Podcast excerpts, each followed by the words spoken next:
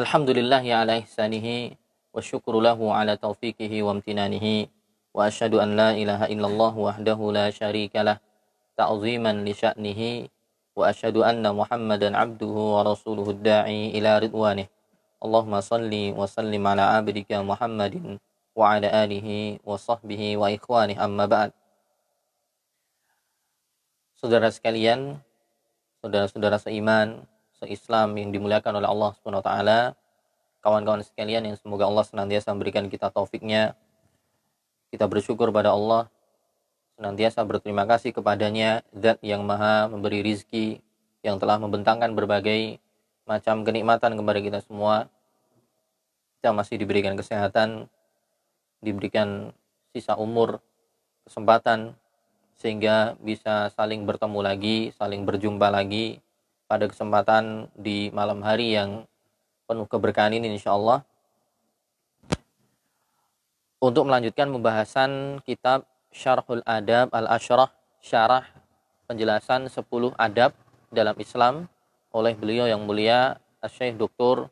Saleh Al-Usaimi hafizahullah taala yang mana kita akan masuk ke uh, pembahasan yang adab yang ke-8 Ya, tentunya tidak lupa kita man la yashkurullah la yashkur, man la yashkurun nas la yashkurullah.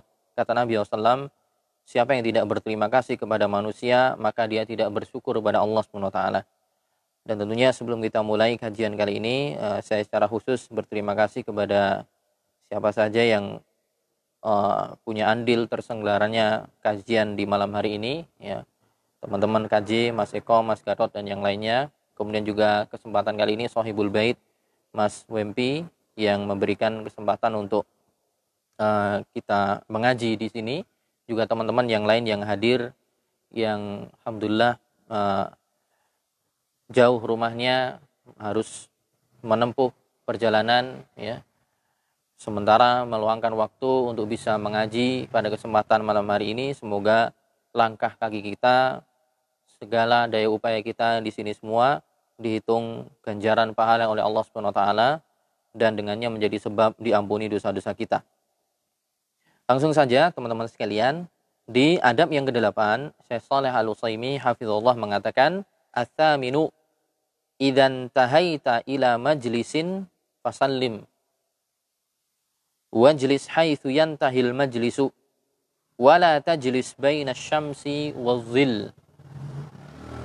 Beliau mengatakan kalau kamu ya, mendatangi sebuah majelis, maka pertama kali adabnya adalah ucapkan salam.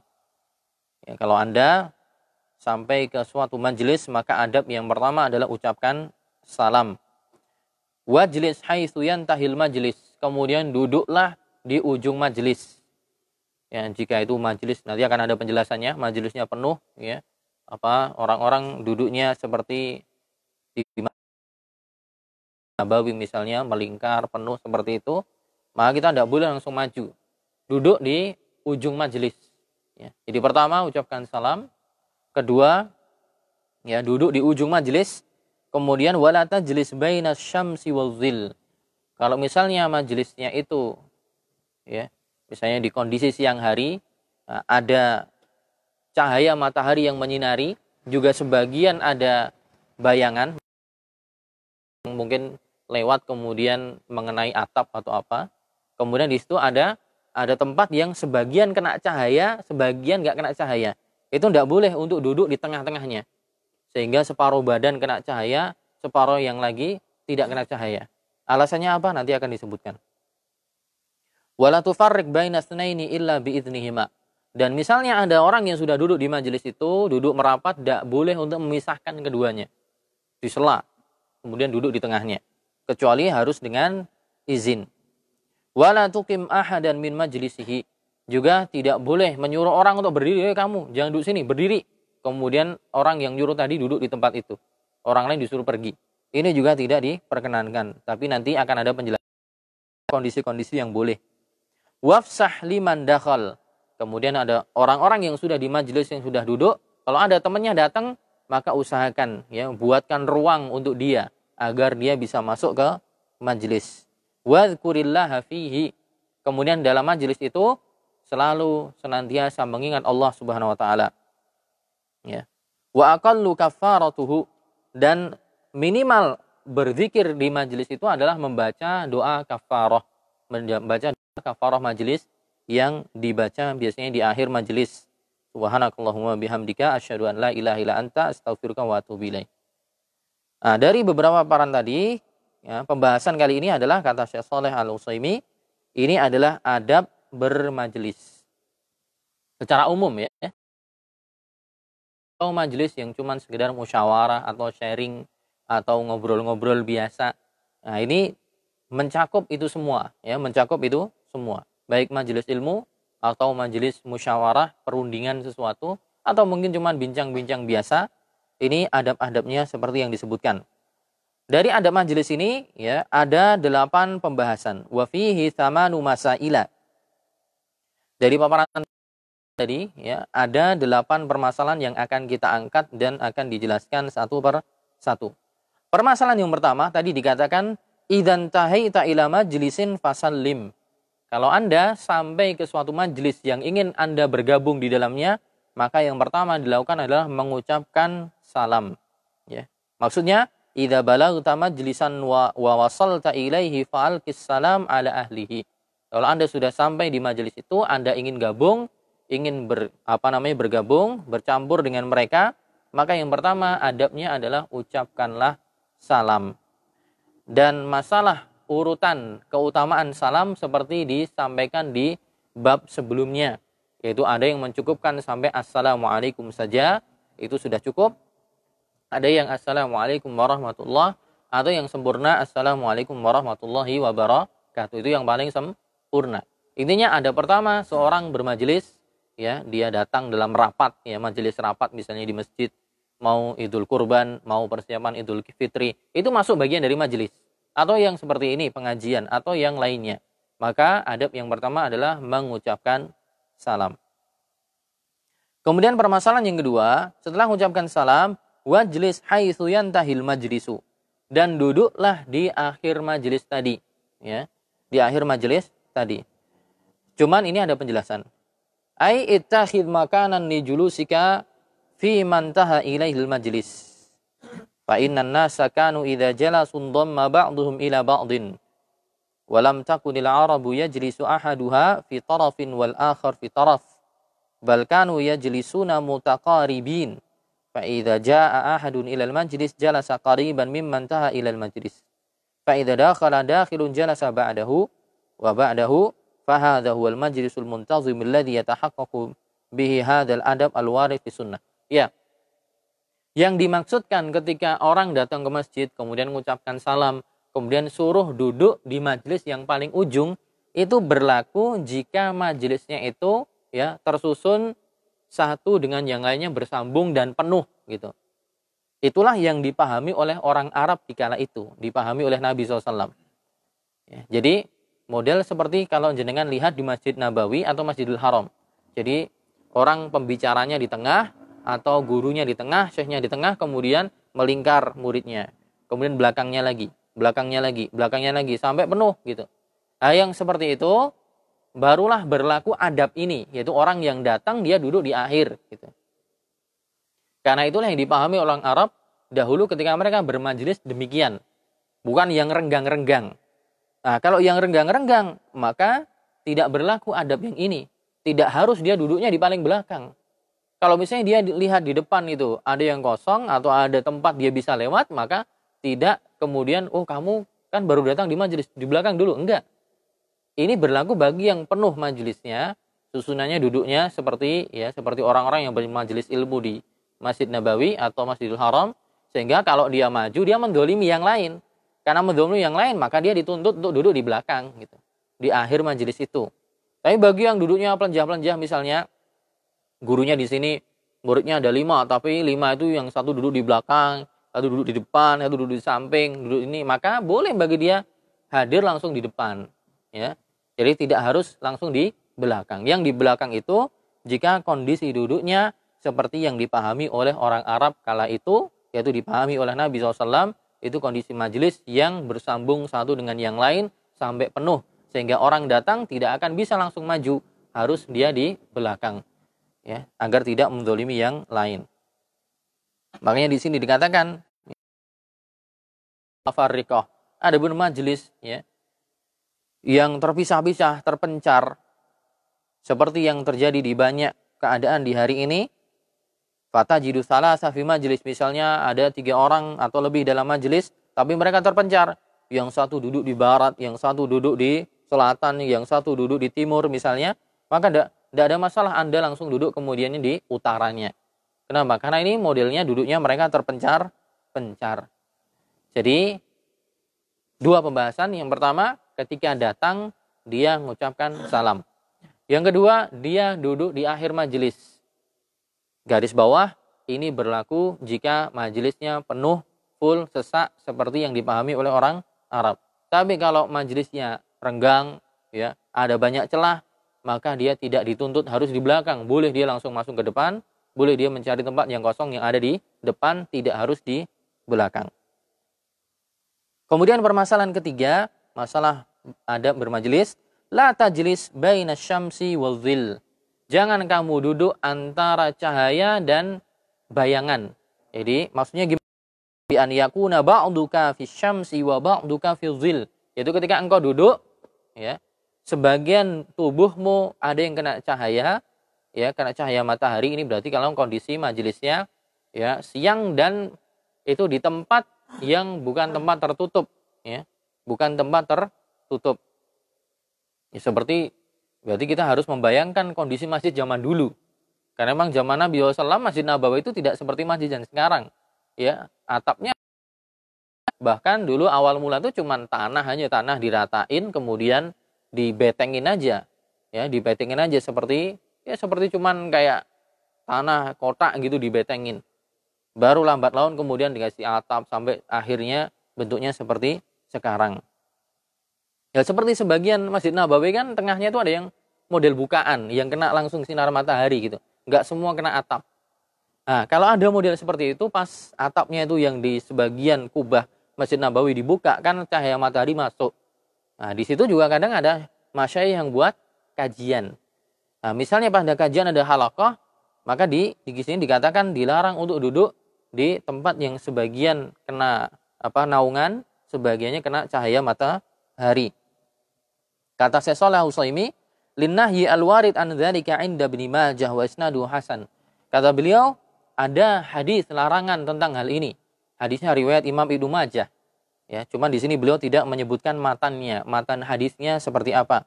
Tapi beliau sebutkan dengan makna bahwa memang ada hadis riwayat Ibnu Majah yang melarang seorang bermajelis duduk sebagian tubuhnya kena sinar matahari, sebagian kena naungannya. Ya, kata beliau sanatnya Hasan. Disebutkan juga dalam hadis yang lain, tapi kata beliau hadis yang lain tidak valid alias ada sisi kedoifannya yang menjelaskan alasan. Kenapa alasannya tidak boleh? Sebagian sinar matahari tubuhnya sebagian kena tempat yang kena naungan, ya maksudnya tidak kena sinar matahari, kena bayangan. Disebutkan dalam hadis yang lain, tapi belum kan hadisnya itu lemah adalah apa? Anna majlis syaitan fi anna ruya annahu majlis syaitan. Dikatakan bahwa tempat itu adalah tempat majelisnya setan. Majelisnya setan berada di di situ. Tapi ini hadisnya tidak sabit. Fannahyu anhu sabitun anin Nabi SAW wa amma ta'liluhu bikaunihi majlis syaitan bikaunihi majlis syaitan fayurwa fi ma la yathbutu isnaduhu. Intinya kata beliau ada larangan dengan sanat yang kuat di hadis Ibnu Majah tentang duduk di majelis yang sebagiannya kena sinar matahari, sebagiannya kena bayangan. Ya. Sebagian ada yang menyebutkan ada hadis yang mengatakan karena tempat itu adalah tempat duduknya setan. Tapi Syekh Utsaimin mengatakan ini hadisnya tidak sabit alias tidak valid kesohihannya. Ya. Taib itu permasalahan ketiga. Permasalahan keempat, ya. La tufarrik baina snaini illa biithnihima. Kalau Anda sudah datang salam, duduk di paling belakang jika penuh ya. Kemudian duduk di tempat yang tidak ya bercampur antara kena sinar matahari sebagian enggak. Misalnya kena sinar matahari kena semua, misalnya kena apa? eyup-eyup, maka di tempat yang iup semua atau iup itu bahasa Indonesia-nya apa? Yang teduh ya, teduh semuanya, jangan separuh-separuh ya. Kemudian yang adab keempat adalah la tufarriq bainasnain. Jangan kamu pisahkan antara dua orang yang sedang duduk berdampingan. Ya. Jangan kamu pisahkan kecuali ya dengan izin mereka. Kecuali dengan izin mereka. Fa innal asla an yajlisa ahaduhuma qariban minal akhar. Fa idza urida ad-dukhul bainahuma tuliba bi idnuhuma fil julus. Jadi kalau itu majelisnya penuh, ya, majelisnya penuh, ada orang yang berdampingan datang, jangan kemudian seenaknya yang buat sela. Tapi izin dulu, ya, adabnya izin, izin dulu. Ini berlaku jika majelisnya majelis model duduk seperti ini, ya. Adapun jika modelnya adalah majelis dalam aula, majelis dalam aula atau apa tempat khusus ya indoor ya. Indoor yang biasanya ada tempat duduknya. Dan ternyata misalnya ada orang duduk kursi-kursi modelnya sudah ada kursinya. Ada orang duduk sampingnya ada orang duduk. Tapi di antara keduanya ada kursi kosong. Nah kalau yang demikian kata saya Usaimi yang seperti ini nggak butuh izin yang butuh izin adalah yang model majelis lesehan yang memang orang berdua duduk di situ, tidak ada batasan tempat duduknya di sebelah mana. Jadi mereka emang dekat. Kalau mau pengen ngambil tengahnya maka izin dulu, maaf ini geser dikit atau maaf saya pengen duduk di sini. Tapi kalau model seperti ya kata beliau, model seperti di koah dan semisalnya koah itu seperti aula atau seperti ruangan indoor khusus yang ada sudah ada tempat duduknya, kemudian ada dua orang yang duduk berhadap apa uh, jajaran tapi ada sela memang satu kursi atau dua kursi kosong ketika masuk di situ itu tidak usah izin pun tidak ma masalah. Jadi yang dianjurkan ada adab izinnya jika itu majelisnya depet-depetan seperti di majelis lesehan. Yaitu yang keempat. Adab yang kelima, wala tuqim ahadan min majlisihi. Yang kelima adalah tidak boleh Anda menyuruh orang yang sudah duduk di situ ada suruh berdiri kemudian duduk di tempat orang tadi ya. Makanya dalam hadis Nabi SAW mengatakan ya atau disatakan nahan Nabi SAW an yuki marrojulur rojula min majlisihi sumaya jadi sufi nah Nabi SAW Nabi SAW melarang seorang datang menyuruh berdiri orang lain untuk kemudian dia duduk di situ ya dilarang ay bi amrihi bil qiyami minhu wa tahawul anhu. Fayun hal abdu idza dakhala majlisan an ya'mada ila jalisin fi mawdi'in minhu thumma yuqimuhu liyajlisa makanahu. Ya. Malam yu'raf adatan luzumuhu lahu. Jadi tidak boleh dia mendirikan orang suruh berdiri kemudian dia duduk di situ. Memang tidak diketahui kebiasaan orang itu duduk di situ. Ya. tapi misalnya ada kebiasaan orang ini memang duduk di situ seperti ini adalah majelis khusus untuk syekh. Syekh itu kalau ngajar di sini atau guru Quran itu ngajar di situ di satu sudut masjid itu ada tempat untuk bertalaki misalnya. Atau misalnya di situ tempat si guru ini menjawab fatwa para murid-muridnya. Ya, murid-murid atau masyarakat yang pengen tanya, itu memang tempat untuk jawab dia jawab fatwa atau dia mengajari Al-Quran atau dia mengajari ilmu agama. Dan itu memang tempat duduknya. Sudah diketahui seperti di Masjid Nabawi di Masjidil Haram sudah ada tempat-tempat khusus ada nomornya. Ini milik Syekh Fulan Syekh Fulan. Ngajinya di sini ngisi kajian di sini. Eh ada orang duduk di situ. Nah, maka boleh eh sana mohon maaf berdiri pindah. Ini tempat saya. Itu diperbolehkan. Tapi kalau tidak ada kebiasaan seperti itu maka tidak boleh ya. Seorang kemudian menyuruh orang berdiri Kenapa? Karena tentu akan menyakiti hati yang di situ, orang yang sudah duduk di situ. Nah, seakan-akan orang yang datang itu dengan kesombongannya, dengan penuh ketinggian hatinya, menyuruh orang untuk berdiri. Ya, dulu duluan kan, dia dulu di situ dulu, dulu duluan. Siapa yang duluan datang dia yang berhak. Ya. Siapa yang duluan datang dia yang berhak, maka orang lain tidak apa namanya berhak untuk menyuruh orang lain untuk kemudian bangkit atau dia ngambil tempat itu. Kecuali yang bersangkutan mengizinkan ya dengan keriduan hatinya maka tidak ada masalah. Taib itu berkaitan dengan adab. Masih berkaitan dengan adab tentang bermajelis. Yang keenam, ya, wafsah liman dakhal. Ya, kalau tadi pembicaraan tadi berkaitan dengan orang yang datang. Kalau sekarang orang yang sudah di majelis. Orang yang datang tadi salam, duduk di akhir, kemudian minta izin kalau mau duduk, kemudian dilarang menyuruh orang lain bangkit, kemudian duduk di situ. Ini berkaitan dengan orang yang datang. Nah, sekarang berkaitan dengan orang yang sudah datang, sudah duduk di situ, sudah punya tempat di situ. Maka dianjurkan bagi dia adabnya adalah wafsah liman dakhala berikanlah ruang bagi orang yang baru datang. Berikanlah ruang bagi orang yang baru datang.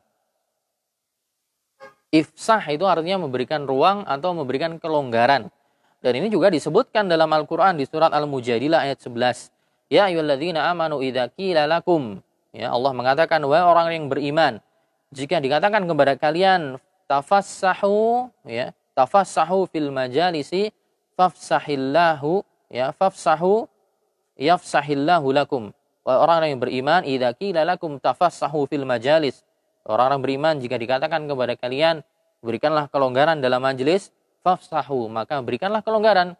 Yafsahillahu lakum, maka Allah akan berikan kelonggaran kepada kalian. Ya, kemudian ayatnya terusnya yarfa'illahu alladhina amanu minkum walladzina utul ilma darajat. Jadi maksudnya berikanlah kelonggaran agar saudara yang datang tadi bisa dapat tempat yang nyaman, bisa dapat dapat tempat untuk duduk sehingga juga dia bisa mengambil faedah. Kalau itu majelis ilmu, ya dia bisa mengambil faedah ilmu dengan nyaman. Kalau itu majelis yang lain, ya dia juga bisa mengambil faedah kalau itu tentang uh, diskusi tentang bisnis, diskusi tentang apa musyawarah akan melaksanakan Idul Fitri, Idul Kurban, sebelah kurban, ya, majelis di masjid misalnya, maka dia bisa mendengarkan dengan baik. Jadi memberikan kelonggaran.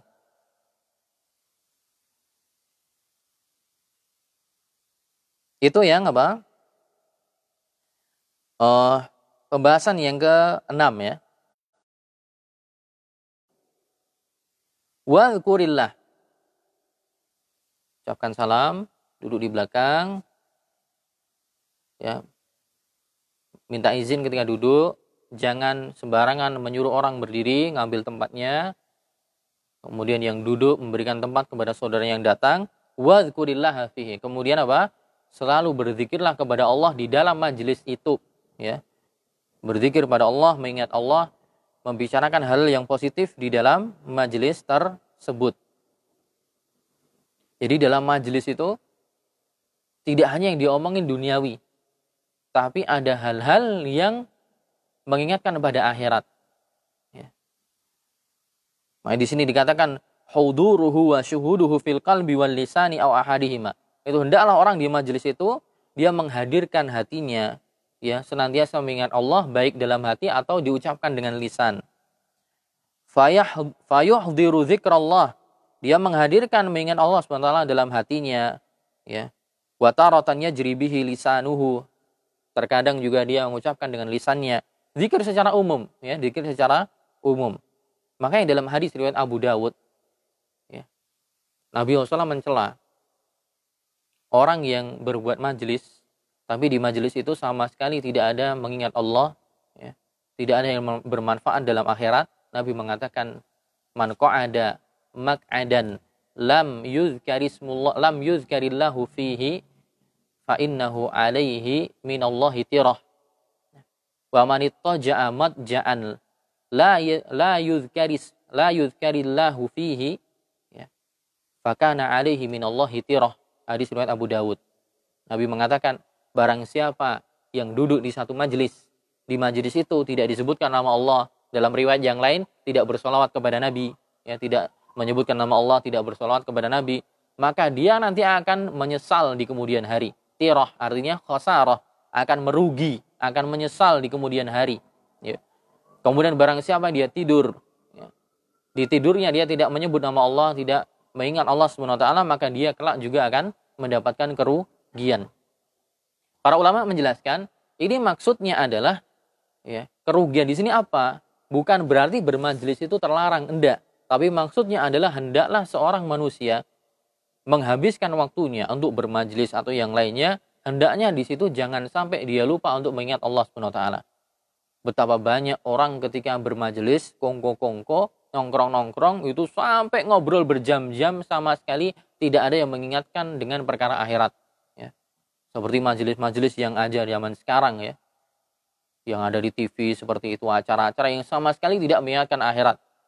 Ya, zaman dulu tuh ada acara apa? Facebook, ada acara empat mata, ada acara sejam, dua jam lebih ngomongin gak jelas ke sana kemari, tidak ada ada sama sekali mengingat Allah, bersolawat pada Nabi, tidak ada.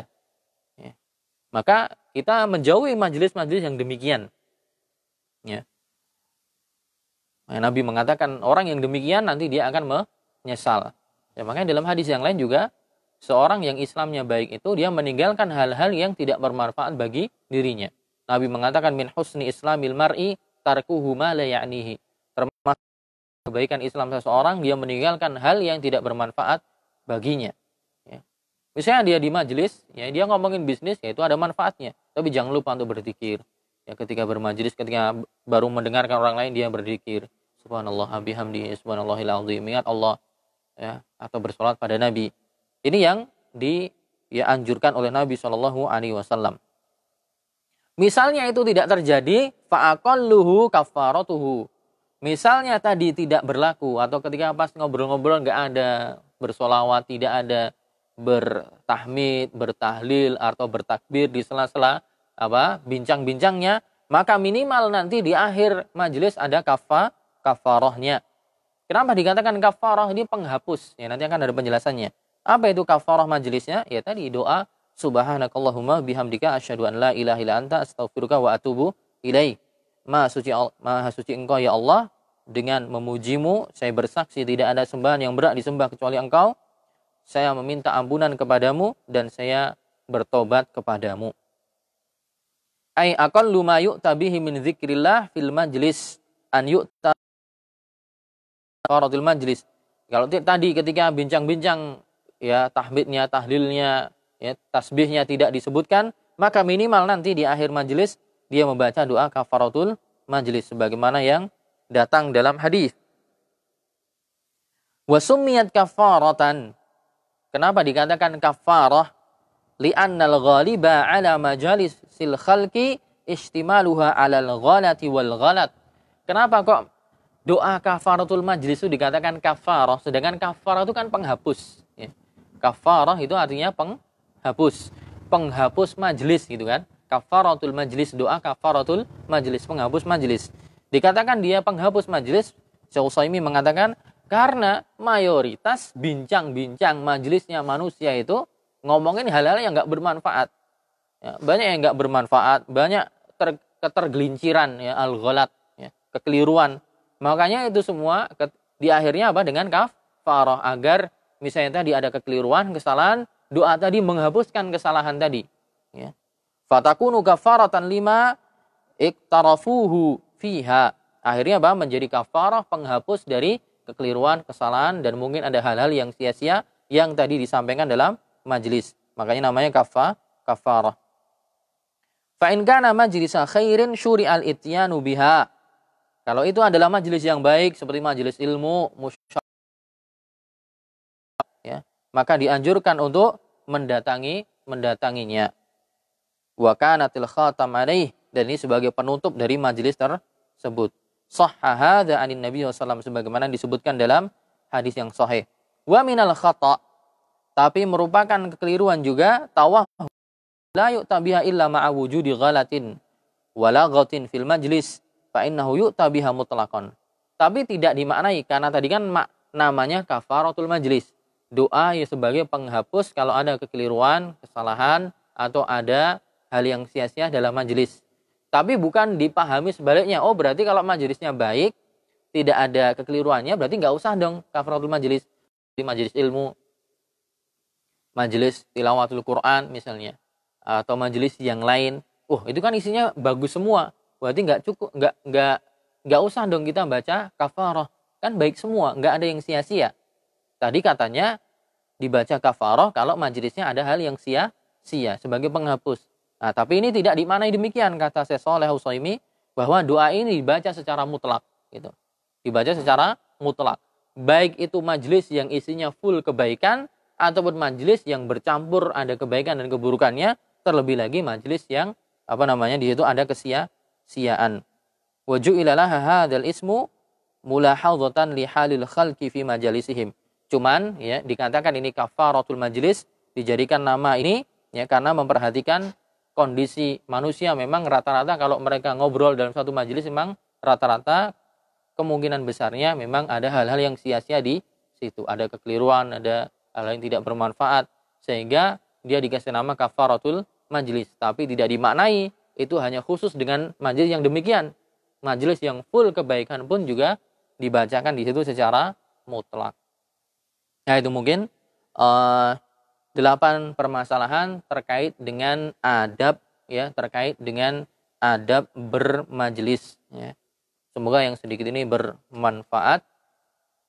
Semoga ada faidah yang bisa kita petik ya karena ini ada dari ibu mertua dari saudara kita yang wafat. Uh, kita setelah kajian insya Allah akan pergi ke rumah yang bersangkutan untuk ikut menyolatkan uh, ibu mertua beliau. Semoga Allah mengampuni dosa-dosa ibu mertua beliau, menerima amal soleh yang dikerjakan oleh beliau, ya, dan semoga keluarga diberi kesabaran. Kita cukupkan sekian. Subhanakallahumma bihamdika asyhadu an la ilaha illa anta astaghfiruka wa atubu. Assalamualaikum warahmatullahi wabarakatuh.